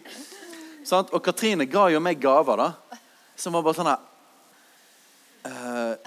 Vi har ikke penger til dette her. Det hadde betydd mye mer for meg at du hadde betalt en regning. Faktisk var det negativt for meg. Er du med? Det er sånn hvis vi har penger nok etter vi har betalt regningene, så kan jeg gå og kjøpe meg noe sjøl som jeg faktisk liker. Den gaven betyr ingenting for meg. Den er faktisk et minus. Det er ganske forskjellig, ikke det? Sant? Så da måtte jeg lære. Å, jeg husker det var så tøft. Og nå er ikke det, det er ikke så mye oppe for deg nå som det var før. Jeg husker jeg var i utlandet, sånn, spesielt i USA. Så var sånn, jeg må kjøpe gaver. Så hadde, hun prøvd å Og jeg kan gå i butikker og ser rundt. Jeg bare, det bare alt føles meningsløst å kjøpe. Det er bare sånn Så vanskelig. Og så, og så lærte Katrin meg at ja, det har ikke så mye med kvalitet og pris å gjøre. Det er mer kvantitet. Hun var glad i liksom at det skulle være mange ting og pakket det inn. og det skulle bare... Uh! Så jeg Ja, så gikk du- rundt på sånn her Du ga eh, jo meg eh, En gang så ga, har du gitt meg eh, 21 sånne plastbokser. Jeg, jeg elsker bokser, så du kan putte ting oppi og rydde. Det. Du, ja, du ga meg 21 bokser en gang, og så har du gitt meg en mopp en gang. Og du husker jeg hun i butikken Hun ble jo skikkelig støtt over at du skulle gi din kone mopp til bursdagen. Ja, for jeg fikk til å pakke den inn. Ja. Sånn, det, hvem er det? Gave til min kone. Og de trodde jo De følte det var skikkelig sånn mannssjåvinistisk. Men det var Hun hadde lyst på en ny mopp! men, men, det var, men jeg måtte lære det. At jeg måtte snu altså hele mitt instinkt og min tankegang til å gjøre noe som ikke kom naturlig for meg i det hele tatt. Handle imot følelsene mine. Så kjærlighet var å gjøre det motsatte av følelsene. Sant? Det var det som kostet. For dette, kjærligheten handler jo ikke om meg. Det handler ikke om at jeg skulle synes det var gøy å gå i butikken og kjøpe en gave. Det handlet om at hun skulle kjenne seg elsket når hun fikk den. Så kjærligheten er et valg. Og dette er den eneste kjærligheten som faktisk varer. Den utholder alt, tror alt, håper alt, tåler alt. Amen. Ja. Da tror jeg vi er ferdig med kjærlighet. Ferdig med kjærlighet. Ja, Vi har vært innom det viktigste. Og dette, og, og sant, dette igjen er grunn, det vi snakket om i går. Viktig grunnvoll. Dette er viktig grunnlag når vi skal gå inn og snakke om hvordan stå sammen, hvordan eh, leve sammen som foreldre, hvordan leve sammen som mann-kvinne. Det, det må ligge i bunnen, disse tingene her. da. Så derfor er vi så. Så hvor vil du gå nå, kjære? Nei, men nå tar vi, tar vi litt grann om, om dette med å, å enhet og Ja. leve sammen. Eh, Og, dette handler igjen både ekteskapet, vi har lyst til å breie det litt ut i forhold til alle relasjoner. Ja, for eh, det var jo et brudd. Vi, skal vi begynne i brud, bruddet? Nei, vi begynner Nei. i okay. den. Første Mosebok 2, Ja. vers 21 til 24. Og dette handler om når Gud eh, Ja. skapte mennesket. Skapte mann og kvinne. Så står det litt sånn mer sånn i kapittel 1 så står det litt mer sånn generelt. Vi blir skapt i Guds bilde av mann og kvinne. Og sånn, og så i kapittel 2 så står det en litt sånn historie. litt mer sånn nøyaktig. Og det er noen interessante sånn, prinsipper eh, helt derfra ja. som vi tror fortsatt har betydning i våre liv i dag. Så Første Mosebok 2, 21-24. Da lot Herren en dyp søvn komme over mennesket. Og det er interessant her, og det, I denne historien i kapittel 2 så ble det beskrevet Ikke veldig nøyaktig, men det hentyder litt til at, at først var det en, et menneske. Det var ikke mann og kvinne. Og så ble det en deling etterpå, og så ble det mann og kvinne. da. Så Gud Herren lot sin søvn komme over mennesket, og mens han sov, tok han et etter hans ribben og fylte igjen med kjøtt. Og Gud Herren bygde av det ribben han hadde tatt av mannen, en kvinne, og førte henne til mannen. Så, så vi ser det at eh, når han har tatt det eh, Man kan diskutere liksom hvor, hvor mye vi skal legge i det, men det ser ut som at, at det ligger noe der med at det ble mann og kvinne når Det det ble ble, en, det ble en deling her. Ja. Sant? Så mennesket på en måte ble delt i, i to. Eh, til mann og kvinne. Og han førte henne til mannen. Da sa mannen, denne gang er det ben av mine ben og kjøtt av mitt kjøtt. Hun skal kalles manninne, for mannen har hun tatt. Derfor skal mannen forlate sin far og sin mor og forbli hos sin hustru. Og de skal være ett eller ett kjød, en kropp. Ja. Så det var en deling, og begge da skapte Guds bilde. Sant? Det ser vi i kapittel 1. Mann og kvinne skapte Guds bilde. Så vi, vi reflekterer Gud. Men, men siden vi er forskjellige, da Hvis du har lagt merke til det, Vi skal ikke undervise masse om det nå, men mann og kvinne er forskjellige. Biologisk, psykologisk, eh, ja, på mange måter. Så betyr det at vi reflekterer forskjellige sider av Gud. da. Og så er det en del av Guds fantastiske planer og mysterium at når mann og kvinne da kommer sammen, så vil vi reflektere et helere bilde av Gud. ikke det fantastisk? Så to som ble ett. Og den enheten der har vi lyst til å snakke litt om. Ja. Og jeg, eh, jeg syns det er like sterkt altså hver gang å, å, å, å tenke på hvor, hvor mye vi hører sammen. Eh, for det, ofte kan det oppleves vanskelig, og det er utfordrende. Å stå så tett og spille så tett på lag med en som er så forskjellig fra deg. Men jeg syns det er en god oppmuntring å vite at ja, men vi hører sammen. Det er fra, fra skapelsen av så er det en tiltrekningskraft som vil at vi skal bli ett igjen. Eh, og liksom lene seg litt inn i at vi var jo ett. Mann og kvinnen var jo ett og hørte jo sammen. Og av og til så er det nesten umulig å forestille seg at vi to kan tenke og, og, og være liksom i enhet. For dette man er så forskjellige, og man opplever verden så for, annerledes. Uh, men at er, Guds hensikt er at vi skal leve i en enhet. Uh, og, og, når vi gjør det, når vi klarer å koble og connecte og stå i enhet, så er det en utrolig nydelig avbildning av eh, Gud sjøl. Det syns jeg er veldig sterkt. Så dette er en ting som går gjennom hele Bibelen. Det er dette med at Gud skaper oss forskjellige med intensjon. Altså det er meningen, faktisk, at vi skal være forskjellige. Det betyr at med, med intensjon så er vi litt plagsomme for hverandre. Det er faktisk noe av tanken bak det. Og så vil han at vi skal være ett. ikke det fascinerende? Så vi ser dette altså med mann og kvinne. Vi ser Det eh, det står en del om dette med jøde og greker, altså de forskjellige etnisiteter. Eh, vi ser dette i 1. Korinterne kapittel 14. Der står det om menigheten, som er kroppsdeler, lemmer og legeme. Jesus er hodet, og så er vi forskjellige kroppsdeler. Og disse kroppsdelene kan ikke da klage på hverandre. Øyet kan ikke si til eh, foten at eh, du er dum fordi at du er ikke øye. Men vi er altså skapt med intensjon til å høre sammen. Så dette her er et mysterium i Gud. Hvorfor har han gjort det sånn? Og jeg jeg tror faktisk vi har funnet ut hvorfor. vi sitter på svaret. Jeg tror vi har funnet ut hvorfor. Oi, oi. Jeg tror det er fordi at alt handler om kjærlighet. Jeg tror Gud ønsker at vi skal elske. Han ønsker at vi skal lære å elske. For det står masse ting om Gud, men det står at han er kjærlighet. Og hvis korset er liksom det sentrale av liksom, som viser virkelig hvordan Gud er, så var det altså å legge ned sitt liv. Da er det da kjernen av alt sammen. Da er det der vi, det er der vi finner, det er der den største kraften er. Så hvordan kan, kan du lære da, å le, legge ned ditt liv? Ja, det er jo at du har noen utrolig irriterende, annerledes, plagsomme mennesker rundt deg. Du skal leve i enhet med. Og så blir man jo totalt avhengig av Gud. da. Og Det tror jeg òg er litt av meningen med at vi skal, vi skal settes i de situasjonene hvor vi er nødt til å gnisse og øh, stå i enhet med folk som er så irriterende. Det er fordi vi skal være så avhengig av å løpe tann og si 'Hjelp! Jeg får ikke det til. Gud, du må være alltid meg, for jeg får ikke dette til.' Yes, Så det tror jeg er Vi blir avhengig av Gud. Mm. Igjen tilbake. Vi må ha hans kjærlighet. Vi må være i relasjon til han.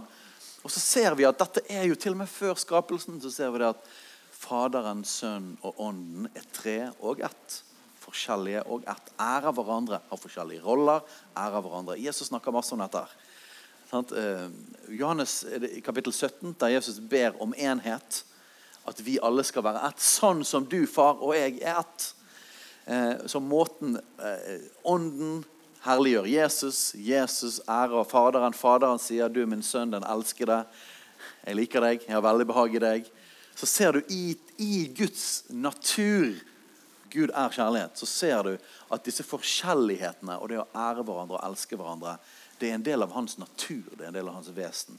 Og han vil at vi skal, at vi skal være det samme. Han vil at vi skal lære det samme. Derfor har han skapt oss forskjellig, mann og kvinne. Og, det er ikke om å gjøre å være likest mulig. Det synes jeg jo igjen er en sånn trend der ute vi hører i, i, i undervisningen og ideologien som foregår rundt oss. Det at vi skal være, sant, vi, skal være altså, vi, vi, vi, er like mye verdt. Men vi skal ikke være like i, i alt vi skal gjøre og alt vi skal eh, si og mene. Sant? Det er òg en ting. Du skal jo ikke mene noe annet enn det som er politisk korrekt. Og, eh, du, så vi, eh, det er en sånn det er, det er, noe vi må gripe her med forskjellighetene som er fantastisk, og ikke gå hele tiden Altså den der likestillingen Jeg er jo litt sånn her eh, antifeminist, jeg kaller meg. Eh, fordi at jeg syns jo det har bikket, da. At det skal være så utrolig likt, og det skal være så utrolig altså, ja, Men vi er jo ikke like. Vi må jo snakke om at vi er dødsforskjellige, og vi har blitt gavgitt, og vi har noen egenskaper som er lagt ned i oss som kvinner, som ikke egner seg i eh, på en måte i mannsrollestedene. Så vi er nødt til å snakke ærlig om de tingene. Jeg tror ikke på det der at eh, kvinner skal gjøre alt som en mann skal gjøre. Jeg tror at kvinner har fått egne fantastiske oppgaver vi skal gjøre.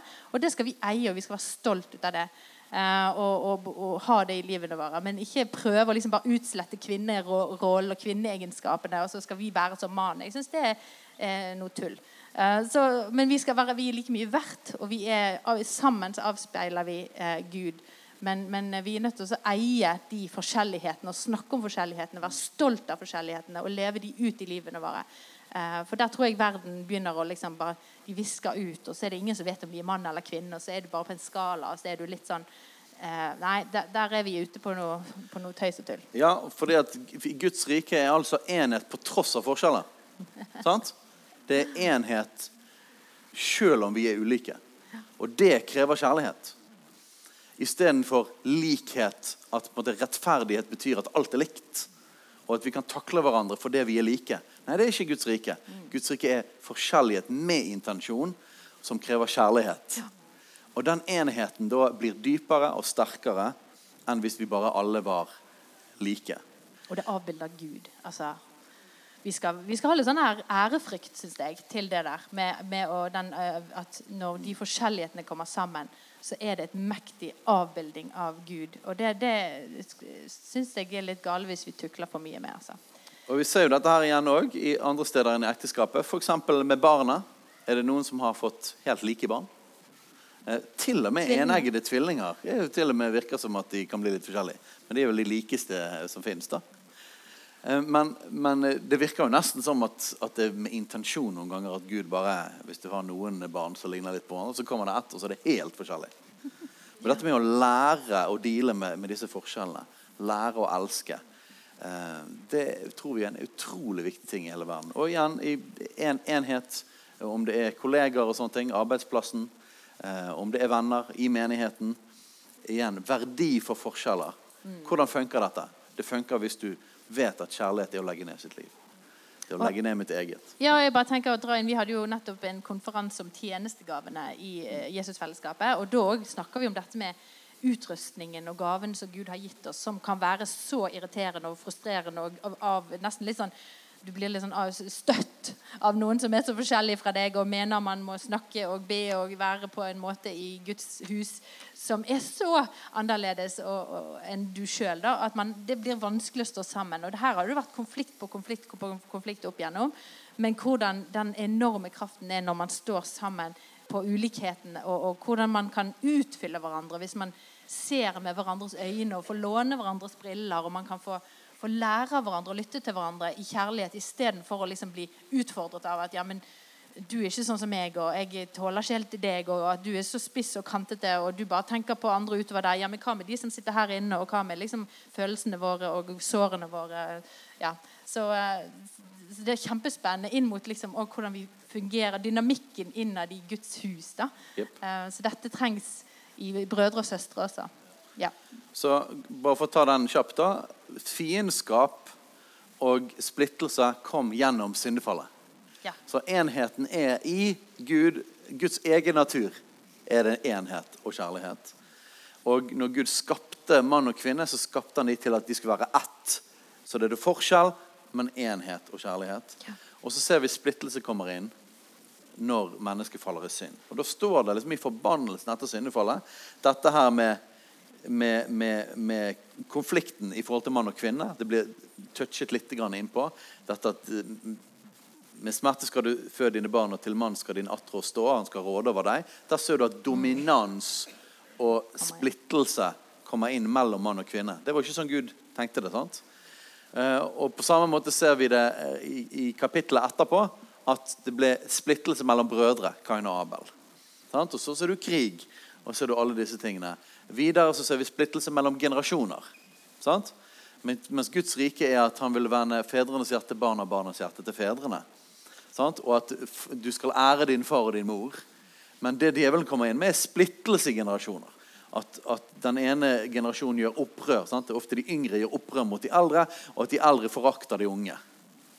Eh, og, og det er ikke Guds rike. Så all splittelse, splittelse mellom kristne Vi har i, i begynnelsen av Korinterbrevet så snakker Paulus om noen holder seg til Apollos, noen holder seg til Kefas, noen holder seg til Kristus. Splittelse. Jeg holder meg til den læreren, jeg holder meg til den, jeg liker den predikanten. jeg. Og så er det 1. Korinterne 14 i forhold til lege med de forskjellige lemmene. Så splittelse kom inn med syndefallet, men enhet og gjenopprettelse kom inn gjennom Jesu døde oppstandelse.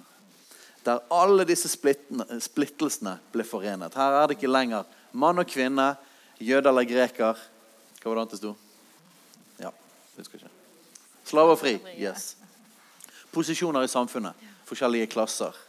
Eller vi kan ta det også inn i Det var jo sla- Slavemester var noe mye mer enn det. Men vi kan ta det òg inn i, inn i uh, arbeidsplassen.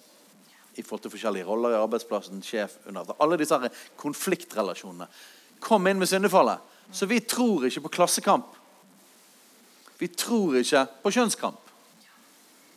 Alle disse kampgreiene som kommer fra marxismen, kommer egentlig ikke fra marxismen. Det kommer fra syndefallet. Det er kamp mellom grupper. Mens Guds rike og evangeliet, korset, det er gjenopprettelse og enhet av det som ble brutt i syndefallet. Tilbake igjen til sånn Gud hadde skapt det. Og det her er jo, sant? Hvordan tar vi dette med oss? Sant? Hvordan tar vi igjen, sant? må vi tilbake til korset. Hvordan tar vi gjenopprettelsen med inn i relasjonene våre? Hvordan ser det ut når vi er så irriterte og vi er så forskjellige og vi ikke forstår hverandre? Hvordan ser det ut da um, i relasjonene våre? Så det, det, er, jo, det er jo der alle, alle nyansene av de utfordringene vi har, kommer inn. Eh, og vi må nødt til å, å, å materialisere dette her budskapet i livene våre. Ja.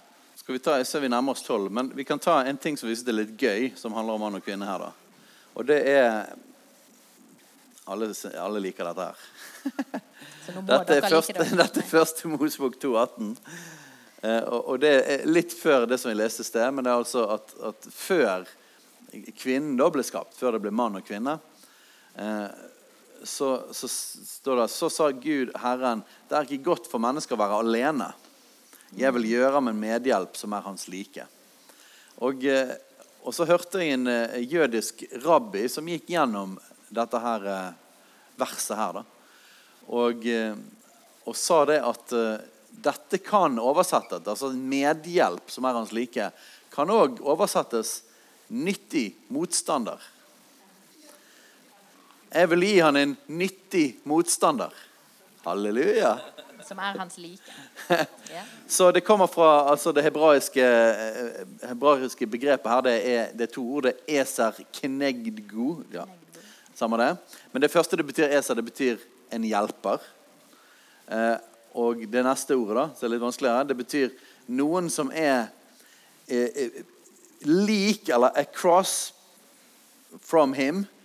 Eh, equal to him, suited to him, altså man passer, så det, det er hånd i hanske.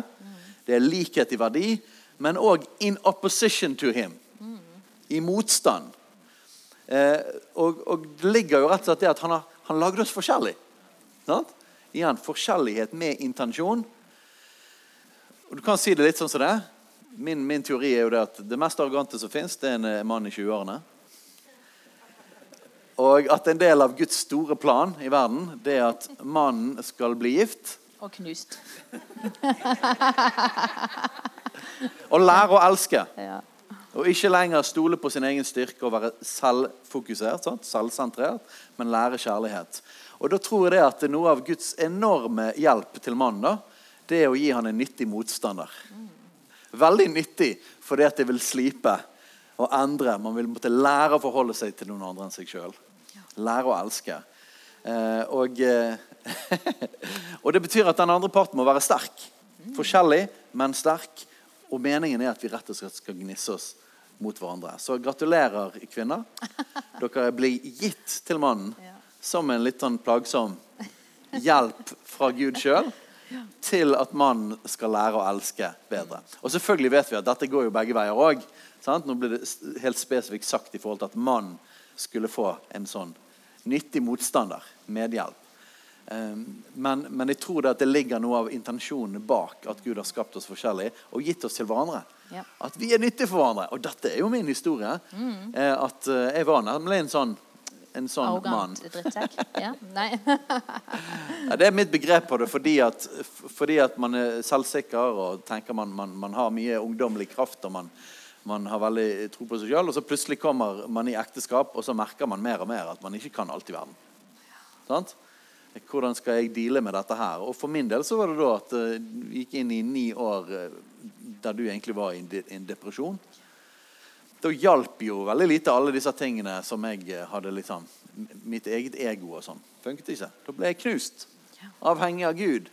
Eh, og måtte lære ydmykhet. Måtte lære å elske. Og jeg husker det at jeg husker jeg tenkte på det på sånn her Jeg har jo sagt ordet kjærlighet og sånn før. liksom, Tenkte at jeg visste hva det betydde. Men jeg husker at da at han, Jeg har egentlig aldri visst hva kjærlighet er for noe. Jeg har egentlig aldri visst hva det å elske betyr.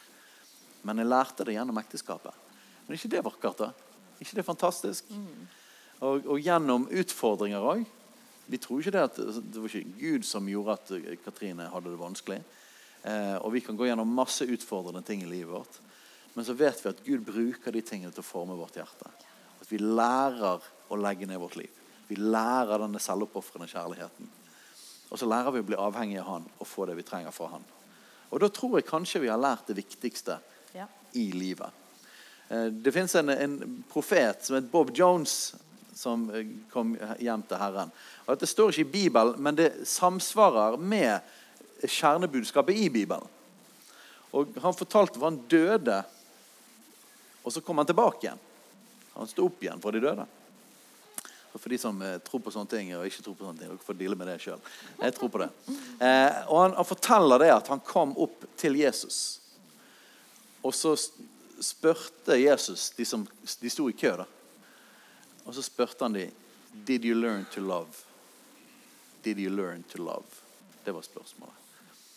Eh, og det har festet seg i meg. Eh, og hans budskap Og han våknet opp igjen til at hans budskap alltid var, var dette her. Did you learn to love? Og, eh, og så døde han, da. Sånn eh, endelig. Og han døde på valentinsdagen. Det var interessant. Men men det, det ordet der og den profetien eller den profetiske opplevelsen han hadde, samsvarer med det jeg tror er kjernebudskapet i Bibelen. Har vi lært å elske? Hvis korset er Guds kjærlighet, og at vi oppfordres til å elske like som han elsket Hvis, hvis grunnlaget Hvis Guds natur er enhet i forskjellighet og ære, og at han vil at vi skal være sånn, så er faktisk kjærligheten det dypeste, det mest bindende. Det er nøkkelen. Veldig bra. Vi skal gå til en avrunding, men jeg, nå har jo du gitt en veldig sånn eh, Du har malt opp et kjempeflott bilde hvordan dette ser ut for begge parter, men, men mye for mannen, da. Så jeg har lyst til å bare avslutte med en hvordan stå i enhet med eh, jeg, gi, jeg elsker å gi kvinner en utfordring. Jeg, eh, for jeg sjøl har måttet deale sånn med det, og jeg eh, liker å, å, å poke litt. Så vær klar, kvinner. Ta på dere Nei, rustningen. Neida, men, eh, men denne enheten er så viktig. Da, og Dere hører her hvordan vi skal være. Vi skal være vår nyttig medhjelper til hverandre. og vi, vi, vi skal stå sammen. Vi skal avbilde noe. Eh, for barna våre kan vi være med å avbilde Gud og hvordan, hvordan de kan få bli kjent med Jesus gjennom bare hvordan vi eh, knytter oss til vår ektefelle. Så, så, fordi at det ligger så eh, vi har en enorm driv, og det er noe av det der som jeg mener er en gudgitt gave. Vi har en enorm driv til å fostre og eh, bygge familie, bygge opp barna, ta vare på de, og det, det, det, ligger, det er en velsignelse vi har fått, som er dette instinktet vi skal, som er tredje skifte, og vi av og til kan kalle det for, at vi er liksom connected med deres behov til enhver tid, og vi hører alle lyder, og vi kjenner i nakker, og vi vet hva som skjer i deres kropper til enhver tid, nesten. Ja, mange av oss. Eh, Jeg er flink å generalisere. Du snakker om mammaene nå. Ja, nå snakker jeg om mammaene, da. Eh, men, men jeg tror kvinner i alle Så er vi veldig der at vi er veldig sånn utover på, på mennesker og på behov og, og, og sånne ting. Eh, og det som jeg ser en trend av, er at vi, vi fordi at vi ønsker det beste, vi ønsker å, å være skape de beste vekstvilkårene. Om det er i sjelesorgsrommet til for en vi følger opp på, eller om det er i menighetsfellesskapet der vi ønsker å ha det godt. Så, så eh, så er vi så opptatt, og vi leser oss opp, og vi forsker, vi hører på fagfolk, og vi, vi spiller på lag med det som vi ser er det aller, aller beste. Som, som er veldig bra. Det er ikke dumt å kunne være kjempepedagogisk i måten du møter barna på. Men det er bare her jeg har lyst til å gi en utfordring. At eh, vi er nødt til å, for Vi bruker gjerne sånn 90% av vår kapasitet til å innhente informasjon til hvordan vi skal være de beste omsorgspersonene, den beste kvinnen, de beste lederne. Men jeg vil gi en utfordring i dag. Det er til kvinner både i ledelse, men òg i, i, i, foreldreskap. I, ja, egentlig, sant? Jeg prøver å gjøre det bredt. Ikke bare mødre, men eh, alle. Det er å spille på lag i enhet med den veldig vanskelige og irriterende og, annerledes da, ektefellen. og hvor viktig den enheten er Eh, den går faktisk over eh, hva bøkene sier, hva pedagogene sier, hva tannlegen sier. Den enheten eh, må vi velge oss inn i og stå og velge at den kommer foran. For dette, det er vårt ansvar at vi knytter oss mer her enn vi knytter oss til psykologibøkene eller til rådene fra helsesøster. Vi er nødt til å knytte oss med vår eh, Om det er i lederskap med ledere rundt oss, eller om det er i ekteskapet. Eh, la oss ha denne enheten foran enheten med alt det andre. da. Eh, fordi at det her eh, kan være det beste og det viktigste vi kan gi barna, og vise at vi kan stå. Eh, og Der har jeg bare et enkelt eh, bilde som, som, som åpnet opp og, og ga, forklarte litt dette for meg. Da. Det var det at I et sånt fosterhjems eh, hvor det var et hjem som hadde tatt imot et barn som eh, var veldig utrygt, veldig utagerende, eh, satt og hylte og skrek. Og disse foreldrene de hadde prøvd absolutt alle råd og teknikker og tips og møtebehov, snakke om følelser i fredstid og i, holdt på å si, kaostid. Bare romme, ta vare på. Sant? Og, og de fikk det ikke til. Det var, de var på bristepunktet. Det var liksom nå vet ikke vi mer hva vi skal gjøre med dette for, for å vise dette oh, barnet trygghet. Og så det, fikk de bare tips på øret fra en annen eh, veldig klok pedagog som sa sett dere ned og hold rundt hverandre. Eh, og, og, det begynte de å gjøre. De satt i sofaen og de bare holdt rundt hverandre og, og viste overfor dette barnet at uansett hvor mye du raser og herjer, så er ikke vi truet. Vi holder sammen. Vi er en enhet. Vi er ikke redd. Vi er enige vi holder sammen, meg og deg. Og på en måte At ikke barna kan komme inn og rive foreldrene fra hverandre, det tror jeg er utrolig viktig at vi formidler til våre barn. At vi står som en enhet. Uansett hva raseri du kan vise, så elsker vi deg. Og at vi er koblet sammen. Så jeg mener at dette, denne enheten, da, hvis det er noe jeg kan få lov å bringe inn, så er det så viktig overfor menneskene. For det blir det der bruddet eh, kommer så fort inn i, i ulikhetene. Hvordan en mann ønsker å eh, oppfostre barn, og hvordan kvinnen ønsker å oppfostre barn. Det er to helt forskjellige måter å oppfostre barn på hvis du bare går den ene eller andre veien. Eh, fordi at det ligger instinktivt. En mann Nå generaliserer jeg igjen, men, men ofte vil menn at barna skal brenne seg litt for å kjenne liksom, de, skal, de skal klatre litt høyt, og de skal falle litt og blø litt og slå litt. altså Man skal liksom få kjenne litt på kroppen og eh, konsekvenser. Mens en kvinne vil fort løpe til åstedet, trøste, bære, beskytte, lage eh, dyner og bobler rundt, sånn at barnet skal være beskyttet i alle situasjoner. Eh, og det instinktet i oss, det er godt. Men hvis vi kun går ene eller andre veien, så er det ikke godt. Vi er nødt til å spille på lag, og vi er nødt til å ha begge deler. Ja. Så det er mitt litt sånn her eh, dette har vi behov for å løfte opp. At vi skal stå sammen som en enhet. Og så skal vi se på alle disse gode pedagogikken og måter å møte følelser og eh, oppdragelse og lede menighet og alt dette her kommer ut av enheten, mener jeg. tenker jeg. Og eh, kan være vi kommer mer inn på det igjen i kveld, men, men vi kan jo slutte med dette verset da, for å oppsummere det du sa der. Det er Efesene 5.32. Og da hadde det stått om mann og kvinne. Eh, og så på slutten her så står det dette mysteriet er stort. Jeg taler her om Kristus og menigheten. Som betyr at forholdet mellom mann og kvinne i ekteskapet er altså en avbildning av en relasjon mellom Kristus og oss. Som betyr at vi reflekterer evangeliet, og så vår respons på evangeliet. Da. Så, så mannen skulle da være et bilde på å, legge ned sitt liv sånn som Kristus ga sitt liv. Og kvinnen skulle være et bilde på hvordan vi responderer på den kjærligheten. Og, og eh, bøyer oss for Jesus. Som betyr at sammen så betyr det at vi reflekterer evangeliet når vi lever dette og er i enhet. Og vi tror rett og slett at det at vi faktisk lever i den enheten og den kjærligheten, er mye kraftigere og har mye mer effekt på barna enn akkurat tid de skal legge seg, og hva, hva, de får i matboksen. Og alle de tingene som verden er veldig opptatt av. Og så kommer det nye teorier og pedagogikker, og så krangler man om det. Det er helt forferdelig, og det er skadelig. Og så er det bare sånn her Hei, folkens! Hva med å snakke om dette her med Guds design av mann og kvinne sammen, ekteskapet sammen, og hvordan vi faktisk modellerer? Vi skaper et gudsbilde. Vi viser faktisk evangeliet for våre barn gjennom hvordan vi lever sammen i enhet. På samme måte funker dette òg videre. Fordi at Når en menighet for eksempel, om det er splittelse i lederskapet, så vil det åpne opp for splittelse i menigheten. Men om de ser lederskap som ærer hverandre og elsker hverandre og lever sammen på den måten, så vil det skape en atmosfære av enhet. Og det, Sånn funker det i alle disse leddene. Hvis mamma og pappa eh, har, har, en god relasjon, så vil det modellere noe for hvordan barna oppfører seg i forhold til hverandre. Så vi tror virkelig på dette. Dette er Guds design. Det er enhet, og det er kjærlighet. Legge ned sitt liv. Og så blir vi så avhengig av å gå til Gud med når det er vanskelig, når det er umulig, når vi ikke får det til. Når eh, man, for Jeg blir jo bare minnet om situasjoner hvor det er umulig. Eh, du har en ektefelle som lever i rus, f.eks. Du har en ektefelle som er, har vært utro. Altså, det fins disse situasjonene som det er umulig å oppleve at man kan stå i enhet. Men her har Gud gjenopprettelse. Han, han har en plan. Han har ikke diskvalifisert noen fordi at synden kommer der. Har, da kommer han sterkt til stede, og han, han, han er redningen i de situasjonene. Så, så, men vi bare forkynner det som vi opplever er her, eh, Dette er på en måte det her er drømmen til Gud at vi lever ut ifra. Og så kommer synden inn og ødelegger med ting, og da må vi gå til Jesus og få gjenopprettelse og hjelp.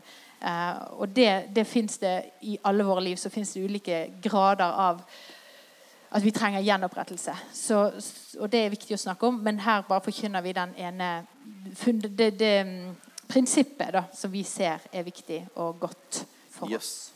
Ja. Så det var litt sånn her eh, litt her og litt der av forskjellige ting som har med relasjoner å gjøre. Noe av Guds design, noen av de som lange linjene. Eh, og så la oss bare be inn i det. Så far, vi ber om at, eh, at, disse tingene, noen av disse verdiene, noen av disse tingene som vi har forkynt ut her, far, jeg ber om at du skal eh, materialisere det inn i våre liv. For vi, vi, har masse forskjellige situasjoner, masse forskjellige relasjoner.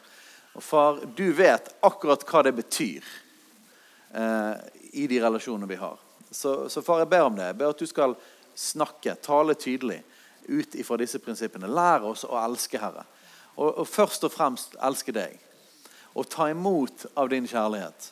For at ingen av disse tingene fungerer skikkelig uten at det begynner der. Så far, det ber jeg om at hver eneste en av oss kan virkelig få kjenne Kristi kjærlighet som overgår all kunnskap. At, at du, du, tar oss inn der, at vi faktisk får fylt disse her behovene. At vi får erfare denne agapekjærligheten sjøl. Og sånn at vi kan gi den videre. Da får vi be om det. Lær oss å elske. Lær oss å elske vår ektefelle. Lær oss å elske våre barn. Lær oss å elske de andre i menigheten. Lær oss å elske de med andre personligheter og gaver. Lær oss å, å, å, å kjenne andres behov, så vi kan lære å fylle de. Og Vi takker deg for at kjærligheten ikke er noe flyktig, et, et ustabilt værsystem. Men at kjærligheten er det kraftigste og mest solide som fins. Så takker vi for at du ikke følte dine følelser, Jesus, men at du valgte å legge ned ditt liv for oss. Det er vi evig takknemlige for. Og far, lær oss dette. Lær oss dette å gi. Du gav din sønn. Og Jesus, lær oss dette med å gi. Du ga ditt liv. Mm. Amen.